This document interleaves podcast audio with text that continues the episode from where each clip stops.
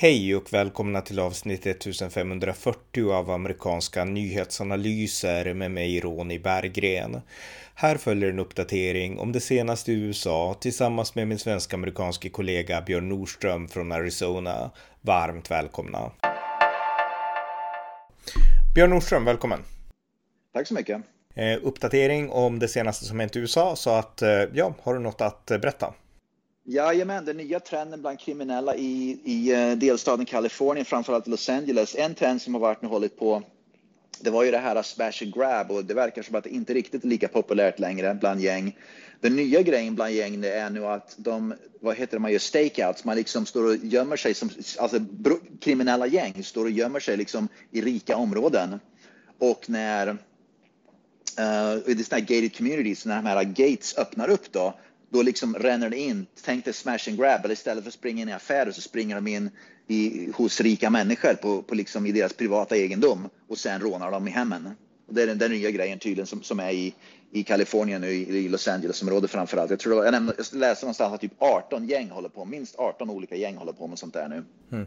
Och det, det, det, här är ju, det är nog illa med smash and grab, men det här är ju ännu värre därför att jag menar, ditt hem är din borg, jag menar, där ska du Precis. verkligen kunna känna dig trygg, kan man tänka. Precis, men det finns inget de kan göra och, och, och det, det, är liksom det, polisen kan inte göra någonting därför att man vet ju aldrig vart de kommer att ta vägen, va? utan Uh, det är liksom den nya trenden i alla fall och så länge som Kalifornien och, och Demokraterna och Liberalerna totalt vad ska man säga, vänder ryggen till allt sånt här så kommer det att bli ännu värre, får bara fortsätta. Vet du om man får skjuta folk, alltså Kalifornien som gör inträde, alltså om det är liksom, ja men Castle Doctrine och liknande, alltså i Kalifornien? Men, jag vet inte exakt lagarna i Kalifornien, men gissning är att de inte är riktigt lika hårda som i många. I Arizona här, där kan du skjuta ihjäl någon. Jag tror det till och med har kommit nya lagar senaste året om jag minns rätt, eh, som var just att, att, att man har stärkt makten att kunna göra självförsvar och skjuta ihjäl människor i självförsvar och när man bryter sig in i egna hem. Men, men Kalifornien på grund av Gavin Newsom då som är guvernören så tror jag inte att de lagarna finns där riktigt.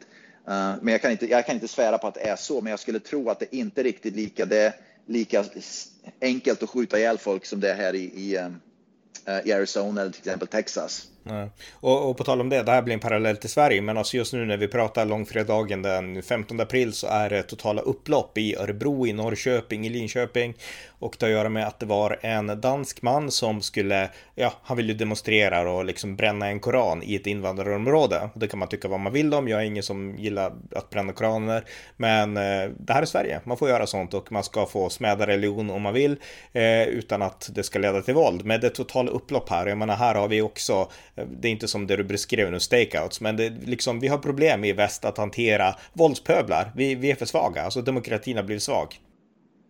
En, en, kompis till mig som bor i Örebro bokstavligen för fem minuter sedan skickade ett foto med stora eldslågor och, sa, och, och, skrev till mig och sa att det är någonting som pågår nu här i Örebro några kilometer bort i Vivalla och då frågade de vad är det specifikt och jag tror att det har att göra, det är upplopp säkert, har att göra med koranbränningen va.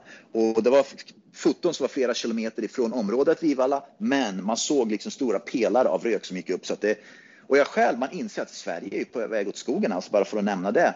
Jag la ut, uh, jag skrev en kommentar under SVT Facebook-sida som det stod, där jag skrev bara att, uh, att uh, man måste acceptera yttrandefriheten och demokratin. Om man inte gillar den så kan man ju faktiskt flytta till något valfritt eh, totalitärt land. Va? Mm. Oerhört många uh, muslimer omedelbart börjar attackera mig för att liksom, extremt aggressivt, att man får absolut inte använda sig av yttrandefriheten och det ska inte gälla islam och så vidare. Va? Så man verkligen ser att, yttrande, att, att i Sverige, det börjar bli otäckt alltså. Det är enormt mycket aggressiva människor som börjar liksom gå efter mig då, bara för att, för att jag jag stöttar yttrandefriheten. Jag håller ju med att jag, jag själv inte någon som skulle gå ut och bränna Koranen. Men principiellt har man rätt att göra det, va? om man nu vill göra det. Så det ska inte vara snack om den saken. Va? Men det, det är det som oroar mig nu, för att tala om något annat, och med det här partiet Nyans, att de kommer att kunna ta plats i svenska riksdagen i höst. Och mm. de kommer säkert att försöka luckra upp det där då.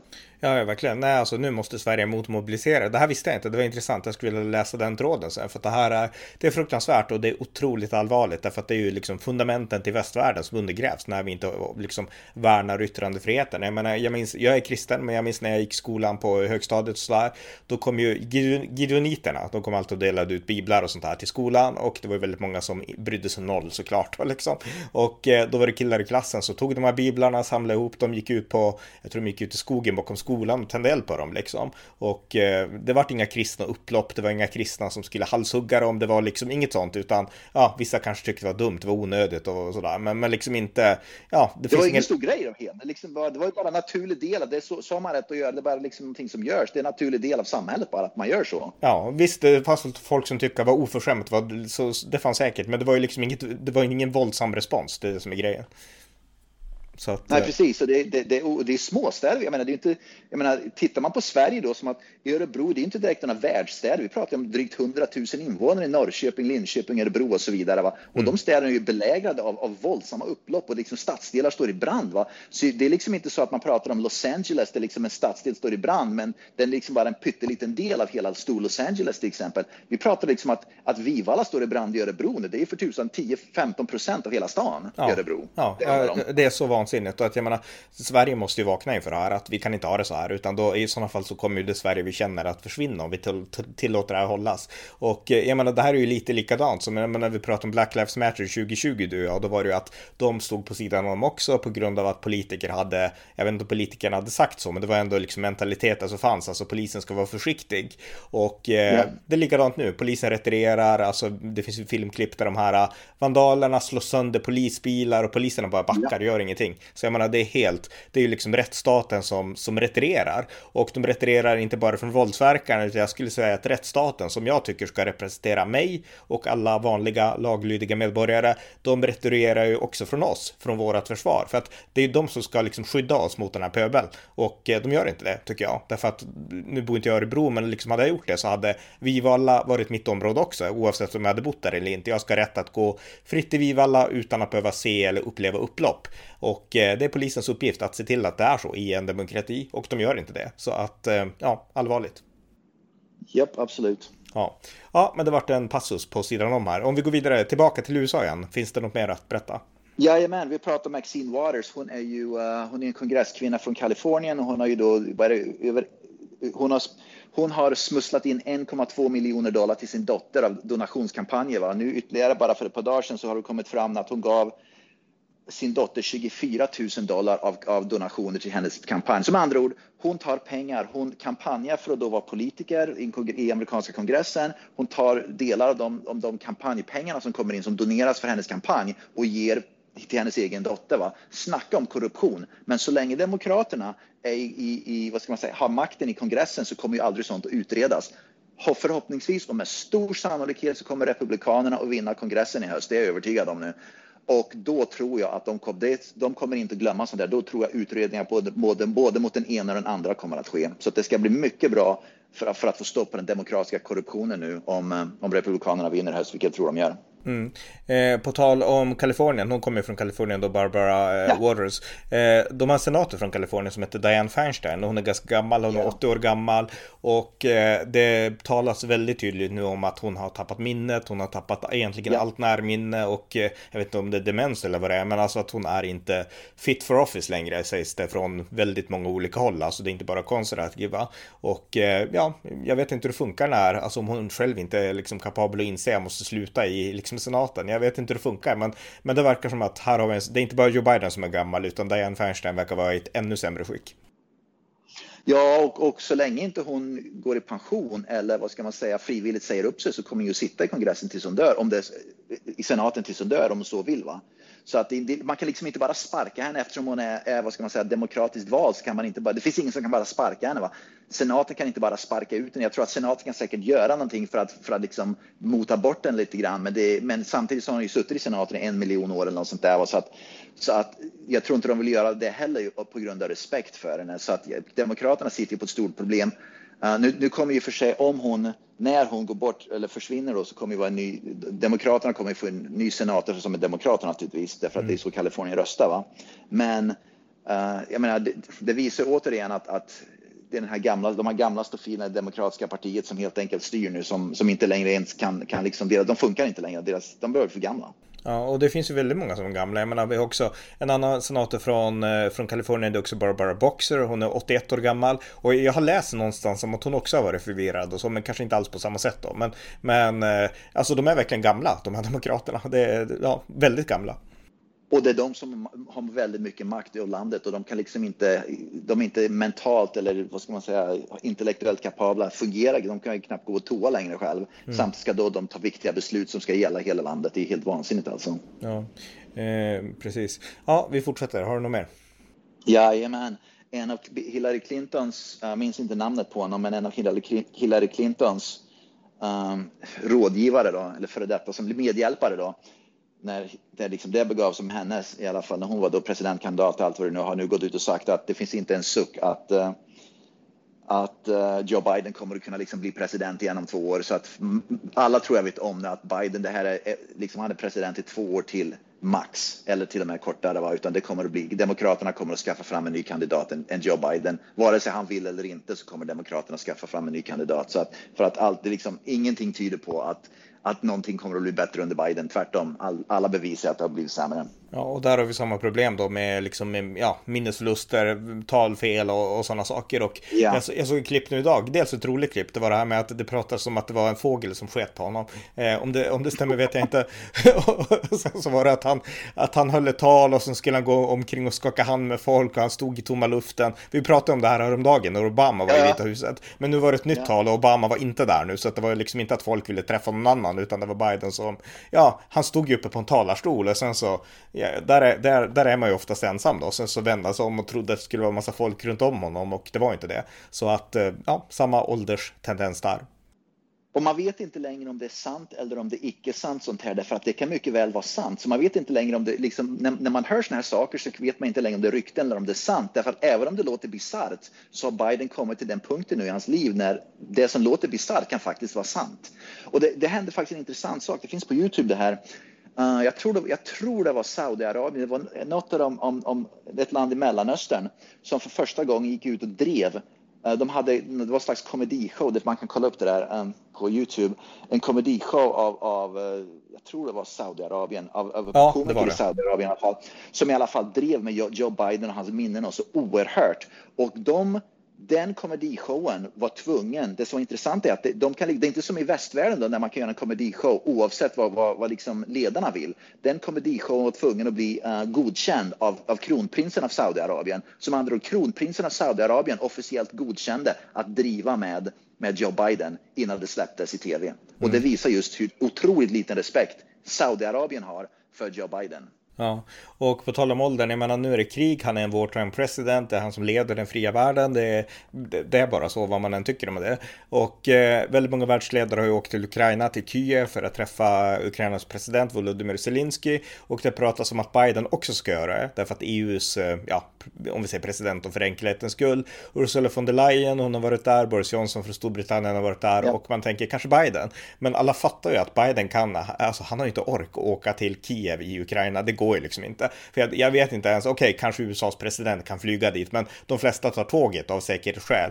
Eh, så att, eh, men visst, kanske Biden kan göra något annat. Men, men alltså, alla fattar, han, han, han orkar inte det här. Och Vita huset, de är ute och säger att nej, nej, men det, det, det är för osäkert och man kanske ska skicka Lloyd Austin, försvarsministern eller någon annan istället. Men alla fattar att hade det varit Trump så hade han sagt, ja men jag kommer dit och liksom säger något häftigt liksom. Ja, han hade dykt upp där precis. Ja. Och det, precis att Biden, han, det hade varit ett oerhört symboliskt stort värde om Biden skulle gjort det här och det är någonting, men han kommer ju inte att göra det. Jag tror inte Kamala Harris, Kamala Harris som skiter i att åka till, till Mexiko-gränsen som kommer ju strunta i, mm. i, uh, i naturligtvis i Kiev, men hon vet säkert inte vart Ukraina ligger ens. Nej, nej, nej hon gör ju inte det. Alltså Biden, hon trodde ju att Ukraina var med i NATO, hon sa ju det i ett av sina tal. så att hon har ingen koll och Biden har ingen ork alltså. Ja det, är, ja, det är inte lätt för världen just nu. Men ja, vi nej. fortsätter. Något, något mer? Jajamän, på tal om Saudi Saudiarabien i alla fall. Elon Musk då som ville, han, ville ju, han har gett ett bud nu. Han ville inte gå med i styrelsen för, uh, för Twitter. Han köpte då aktier, de 9,2 procent av aktierna ägs nu av Elon Musk. Han, först vill han gå med i styrelsen, sen vill han inte gå med i styrelsen. Igår eller förrgår så gav han ett bud på att köpa alla aktier av, i Twitter. Han ville äga hela Twitter och göra det privat, mm. vilket vore jättebra. Så han får ordning på det där. Men tydligen Eh, en av prinsarna eller kungarna, prinsarna nu i Saudiarabien äger tydligen en massa aktier i Twitter och den prinsen i Saudiarabien som äger en massa aktier i Twitter vill inte att Elon Musk ska få det. Och det är det här som är så oerhört, jag visste inte, faktiskt inte om det här, men det här är ju alltså livsfarligt. Saudiarabien är ju inte direkt känt för att, för att digga yttrandefrihet, va? tvärtom, det är liksom en förtryckarstat. Va? Mm. Så Saudiarabien har stor kontroll på Twitter mm. genom ett stort aktieägande och kan då bestämma så nu börjar man inse hur illa det är med Twitter och varför Twitter håller på så här. Om Saudiarabien ligger bakom och äger mycket av Twitter. Va? Det är helt vansinnigt tror jag att, att vi i väst säljer ut vår yttrandefrihet genom då Twitter i det här fallet till Saudiarabien som inte vill ha yttrandefrihet. Så, så vi kan liksom stopp. Så Saudiarabien kan sätta stopp för yttrandefriheten på Twitter genom att bara äga det va? och sen säga att så här, det här ska ske. Så tydligen så i Saudiarabien en bromskloss nu för att Elon Musk ska kunna äga uh, hela och, och, och vilja återställa det till en yttrandefrihetsplattform. Ja, det var intressant. Det här visste jag inte. Det innebär alltså att det här med, vi pratar ju nyss om koranbränning i Sverige, snart så kan man förmodligen inte skriva något dåligt om koranen på Twitter heller då i sådana fall. Jag menar, det här är ju, det är allvarligt, sådana saker. Ja, ja absolut. Att, precis som att vi har, som att NBA, basketen, proffsbasketen har sålts ut till Kina så att man kan, Hollywood är utsålt till Kina, vi kan inte bara för att tala om det. Uh, den här uh, Top Gun 2 kom ju ut i sommar eller vad det nu är uh, med, med Tom uh, Cruise. Ja, just det. Mm. Och från början så hade Top Gun då 2, de ville ha med en scen, de ville göra några scener då i filmen som skulle då, de var lite Kina-fientliga. De ville helt enkelt göra lite, att Kina var då vad ska man säga, fienden i den filmen. Men Kina fick reda på det och tydligen talade om för Hollywood att det här går absolut inte vi med på. och då stoppade Top Gun 2 från att göra någonting negativt om Kina. Mm. Och det visar då makten att Kina har makt att stoppa Hollywood från att göra filmer som de vill. Basketen, Kina har makt att stoppa NBAs basketen från att göra någonting som inte Kina går med på. Va? Så med andra ord, Kina och Saudiarabien, totalitära stater, talar om vad NBA eller Twitter eller, eller Hollywood ska göra eller inte göra. Det är helt ofattbart att vi har sålt ut oss på det här viset till de där länderna, bara för pengars skull. Verkligen, och på tal om Kina, grannlandet, eller ja, vi kan säga så, Taiwan då, liksom som, som ligger nära, som en del av Kina, men som också är inte alls en del av Kina. Eh, nyligen så besökte en grupp svenska politiker eh, Taiwan, ledd av Shirley Weimers från, från Sverigedemokraterna, EU-parlamentariker. Och eh, nu läser jag att en grupp amerikanska lagstiftare också har åkt till Taiwan, eh, Lindsey Graham och ett antal andra, för att de markerar liksom sitt stöd för Taiwan, för att man är ju rädd att eh, Alltså Taiwan är ungefär i samma situation i förhållande till Kina som Ukraina är i förhållande ja. till Ryssland. Så man vill uttrycka sitt stöd för Taiwan där då. Så att nu har både en eh, europeisk och en amerikansk eh, delegation, parlamentarisk delegation besökt Taiwan. Och det är ju jättebra tycker jag. Ja, det visste jag faktiskt inte om. Nej. Ja, fortsätt. Ja, du vet de här uh, vad heter den? Commission on Presidential Debates. Du vet när de har de här presidentdebatterna inför valet då mm. mellan Republikanerna och Demokraterna. Deras, uh, deras presidentkandidat i alla fall. Republikanerna nu vill inte längre delta i de debatterna därför att de anser att de debatterna är alltför, vad ska man säga, för uh, vänsterliberaler och, och, demokraterna har för mycket fördelar när det gäller de debatterna. Va? Mm. Så att de vill helt enkelt dra sig ur de debatterna helt och hållet nu och med Ronna McDaniel i spetsen då som är, hon är väl då chef, vad heter det, chairperson för, ja, ordförande för RNC. Mm. Eh. Precis. Eh, som andra ord att de, de, de, de har sagt att det verkar inte som att de där debatterna kommer att bli vad ska man, rättvisa, utan de, Demokraterna kommer fortsätta ha fördelar. Därför vill vi inte längre delta i dem. Om de, kommer, om de kommer att delta eller inte, det får vi väl se, men det kommer de förmodligen att göra. Va? Men, men att överhuvudtaget Republikanska partiet liksom pratar om att dra sig ur de där debatterna och inte längre delta i det där visar hur otroligt ensidigt eller felaktigt någonting måste vara i, den där, i, den där, i allt det där. Ja, ja. Och, och, och, jag tänkte bara nämna, om du minns rätt, minns när, förra, när det var debatt mellan, mellan Donald Trump och Hillary Clinton, kommer du ihåg kanske att då fick ju med, med CNN, Hillary Clinton fick ju flera av de frågorna i förskott av den här, av den där kommissionen ja. som inte Donald Trump fick. Mm. Vilket visar att hon skulle få en fördel under debatterna genom att hon fick frågorna i förskott till skillnad från Donald Trump. Ja, ja det, det var en verklig skandal, verkligen. Men, men alltså det är också så här att det är ju kandidaterna själva som väljer vilka alltså, kanaler de vill ställa upp på. Jag menar, Fox News har varit suveräna i att hålla i presidentdebatter. Den enda som har varit missnöjd är Donald Trump, därför att om det var, vad hette hon igen, eh, den här blonda kvinnan som, som arbetar på Fox, Megan Kelly som ställde väldigt ja, hårda frågor mot Donald Trump då, så han varit missnöjd på henne. Men Fox brukar vara suveräna i att hålla i. De gör alltid de bästa presidentdebatterna tycker jag, objektiva och bra. Och eh, ja, jag tycker att det här har gått för långt faktiskt av RNC. Men jag tror att i slutändan så blir det nog kandidaterna som bestämmer och deras team, skulle jag tro i alla fall. Ja. Ja, eh, ja något annat? Jajamän, vi pratar om att i Texas nu har man ju börjat bussa upp illegala migranter i Washington DC och de har kört upp två bussar nu. Det är ganska intressant. Det finns en video på Youtube som ligger ute när de visar att de här illegala immigranterna kliver av bussen i Washington DC nära, nära kongressen och liksom bara liksom, de blir bara liksom här ut med er nu och sen får ni väl försöka klara det bäst ni vill ungefär. Uh, Ron DeSantis, han har sagt, han är då guvernör för Florida, och han har sagt att om illegala immigranterna tror att de ska kunna ta, komma ner till Florida och leva lyx, då kommer de få fel, då kommer de få det jäkligt tufft. Så att kom inte till Florida, stanna i Washington DC. Så att uh, det ska bli intressant i alla fall att se hur det här går. Så att, så att Greg Abbott som då är, är guvernör för Texas, han, han, han tänker bussa upp allt fler nu. Det är liksom bara, det, det, han, det liksom ska bussas upp hur mycket som helst. Ja. Vilket är eh. jättebra. Han, han tvingar inte någon att hoppa på bussen, men de som vill frivilligt bussas upp kommer att få en enkel biljett till DC. Snack, ingen snack om det. Just det.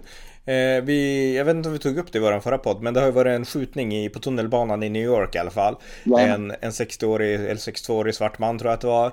Och ja. eh, jag vet inte något om motivet, men jag läste, det här är bara en rubrik, men att det var någon slags hämnd mot vita. Men, men jag har inte ja, läst det här. Ja, okej, okay. kan du berätta mer? För jag, jag läste bara en rubrik som sagt det jag läste om är att han var förbaskad på att alla är så rasistiska så att han vill hämnas på, all, på liksom den vita befolkningen för att de är rasister och då gick han in och sköt ihjäl. Han sköt, jag vet inte, han sköt 23 stycken skottskadade om jag inte minns rätt. Jag vet inte hur många som dog av dem. Jag, jag, jag är inte säker på att... Jag tror ingen dog. Det var det som var så unikt. Jag tror ingen dog heller. Precis. precis, tack och lov. Men, men att det var, han sa att det var rasism, vitaras rasism mot svarta som låg bakom det där. Hmm. Men det skulle också vara intressant, är det bara vita han sköt eller sköt han också andra som var asiater och svarta och latinamerikaner och allt det där? Det vet jag inte. Nej, just det. Eh, ja, eh, just det. Eh, ja, något annat? Jajamän. Joe Biden, det här är väldigt bra nyheter för Republikanerna. Vi pratar om att den latinamerikanska gruppen i USA är väldigt, blir en allt större och viktigare väljarkår i USA. Just för att det är en stor grupp som, som är latinamerikaner och allt fler latinamerikaner. Historiskt sett har det varit väldigt få latinamerikaner som röstar, men allt fler latinamerikaner röstar nu. Så att den andelen latinamerikaner som röstar i USA ökar och det är väldigt, väldigt, väldigt viktig väljargrupp, framförallt i delstater som till exempel Texas, Arizona, New Mexico, de här som ligger efter Kalifornien som ligger efter gränsen. Joe Biden har tappat en oerhört stor del av sina latinamerikanska väljare. Uh, nu endast 26 procent av latinamerikanska väljare nu säger, uh, stödjer Joe Biden. Hmm. Medan det var Eh, för bara några veckor sedan så var det 34 procent. Så att andelen och antalet latinamerikanska väljare som stöder Biden sjunker kraftigt väldigt snabbt. Och du och jag har pratat om sånt här förut, för jag bor i Arizona nu och begriper sånt här mer. Latinamerikaner i Arizona lever ofta i fattigdom. Det är, en, det är en, generellt sett en, en, befolkning som lever i fattigdom. När bensinpriserna går upp som de har gjort, när inflationen går upp så allt blir dyrare och man inte kan sätta mat på borden. Latinamerikanska väljare, latinamerikanska gruppen är den som, och svarta är de två grupperna som omedelbart får det betydligt mycket sämre och kommer att hamna och lever, får det betydligt sämre omedelbart. Mm. Och det visar sig nu i, i opinionsundersökningarna med att de helt enkelt inte stödjer Biden längre. Ja. Eh, en annan sak som har uppmärksammats i alla fall i Sverige, jag har inte tänkt med så mycket amerikanska nyheter, jag har fullt upp med Ukraina, men du kanske kan mer om det här, men det är att en, ett filmklipp har kommit upp där en polisman jagar en svart man som heter Patrick Loya och den här uh, unge mannen som är 26 år gammal, han skjuts till döds och jag kan inte så mycket om detaljerna här, men det är ett filmklipp som det har pratats mycket om i Sverige. Har det här blivit en, alltså New York Floyd-grej framställs det som, har det här blivit en stor nyhet i USA också? Jag tänkte faktiskt säga att jag har inte hört talas om det än, så jag, jag kollar på nyheterna varje dag. Jag kanske har sett det i förbifarten någonstans, men nej, jag har inte, det är inte någonting som registreras som en stor George Floyd-grej. Det har jag inte gjort. Inträffade i... Jag, jag, jag, vet inte. Förlåt? Det inträffade i Grand Rapids, läser jag här bara. Alltså, det är Michigan, okej. Okay. Mm. Ja, nej, jag har inte hört talas om det, annat än att kanske jag har hört någonstans, men det är absolut inte som George Floyd. Nej, just det. Eller just någon sån grej, utan det, det, tror jag mer, det är mer lokalnyheter än, än nationella nyheter just nu, tror jag. Just det. Mm. Ja, något mer? Ja, ja, just det. Jag tänkte bara nämna också det att det här med Greg Abbott framförallt och äh, äh, guvernören av Texas bara för att nämna också det. Jag såg en intervju, han är ju helhärlig alltså, han är ju cool. Han sa ju rakt ut att om, på tal om det här med att man bussar upp illegala immigranter i Washington DC, så hans uttalande var i en, en intervju där jag såg bara för ett par dagar sedan. Han sa att om Joe Biden inte, Joe Biden har ju fortfarande inte besökt gränsen mot Mexiko, om Joe Biden inte vill besöka Mexikogränsen så kommer Mexikogränsen att, be, att börja besöka Joe Biden nu. ja. det, det, är liksom det han sa. Alltså det, helt härligt att höra. Man önskar att det fanns sådana politiker i Sverige, men det är otroligt. Och det är inte bara snack, va, utan han gör, han gör ju verkstad av det hela med. Det är fantastiskt alltså. Ja, ja verkligen. Ja, ja. Mm. ja nej, men det, det, det, det är bra. Nej, exakt, precis som du säger. Det här är action, liksom. Det är inte bara prat. Eh, ja, jag har inget mer. Har du något, något mer? Jajamän, vi pratade om den här lagen i, uh, som eh, Ron DeSantis som är guvernör i Florida som, har stift, eh, som då först stiftades naturligtvis lagen av kongressen och senaten i Florida. Sen Ron DeSantis, guvernören, skriver på den lagen så, så det blir en lag. Det är så det funkar. va? Och um, den har tydligen... Lag om vad? Som handlar, ja, förlåt, ja, den här, det är den här lagen då som att man inte ska få undervisa om sexualitet och kön och så vidare till barn som, är, som går i lekskolan eller årskurs 1, 2 eller 3. Man anser att de är för unga för att de ska undervisas om kön och sexualitet och, och det där gender, eh, liksom mm. allt det där köret, va? woke-köret. Va? Och tydligen en väldigt stor andel demokrater stöder till och med stöder också den lagen. Så den, den, den har väldigt stor stöd bland demokraterna. Och jag såg, jag har sett mycket intervjuer och liksom folk som har uttalat sig om det här som bor i Florida. Och anledningen till att, att det är motstånd mot den, det är inte för att det är massorna, liksom massorna i, i, i varken bland demokrater eller republikanerna som är emot den lagen som stiftades, utan det är bara för att det är den här Twittervänstern, liksom Twittermobbarna som håller på. Det är de som liksom hörs mest. Men vad gäller lagen i sig så har den oerhört stora majoriteten av, av, av befolkningen i Florida stödjer lagen. Um, det är bara liksom Disney och de här woke-rörelsen som faktiskt är en väldigt liten majoritet av folket där som är emot den. Så att mm. när man hör att människor är emot det, det är inte majoriteten utan liksom bara de här, de här det som i Sverige var det är den här gapiga Twitter-rörelsen och den här vänsterfalangen som gapar högst. Ja. Eh, jag läser också gällande aborter och att Kentucky har nu fått in en lag, och jag har inte följt det här så noga, men som i princip gör att aborter blir helt förbjudna i Kentucky. Alltså inte de här sex veckorna som är i ja, men de här delstaterna i södern, utan det är liksom totalt förbud mot aborter. Och man betraktar det här eh, som, ja, om, om Roe vs Wade avskaffas i sommar av Högsta domstolen, då kan den här lagen förmodligen bestå.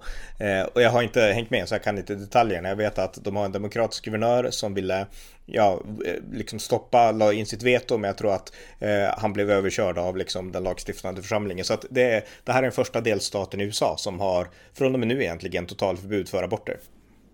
Ja, så att jag, jag, är inte förvånad. Och vi pratat om det förut, va? det är liksom en reaktion, en motreaktion. Vänsterliberalerna börjar göra extrem politik och sen så sker, gör konservativa en motreaktion mot det hela. Om inte vänsterliberalerna hade börjat dribbla med de här grejerna och, och, och vad ska man säga, det finns ju då, var det Virginia där de ville göra en lag där man kunde till och med få slå ihjäl ett foster när det var nyfött efter två veckor eller vad det nu var, liksom mm. vansinniga saker alltså. Då hade inte sådana här lagar som i Kentucky stiftats utan alla sådana här lagar som stiftas nu om aborter i Kentucky och Arizona och i Texas och i de här republikanska delstaterna är en motreaktion till de extrema extrema abortgrejerna som sker i de vänsterliberala delstaterna. Så att vänsterliberalerna är de som drar igång det här extrema och sen så sker en motreaktion i republikanska delstater. Mm. Ja, det, det var en väldigt bra poäng och du har sagt det förut och du, du har helt rätt där. Eh, verkligen.